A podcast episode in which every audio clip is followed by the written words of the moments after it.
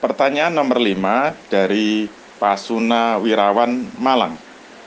Pertanyaannya ternyata sama dengan penanya nomor 4, yaitu contoh kasus akad batal dan fasad serta bagaimana pen penekanannya dan bagaimana solusinya itu sudah saya jawab.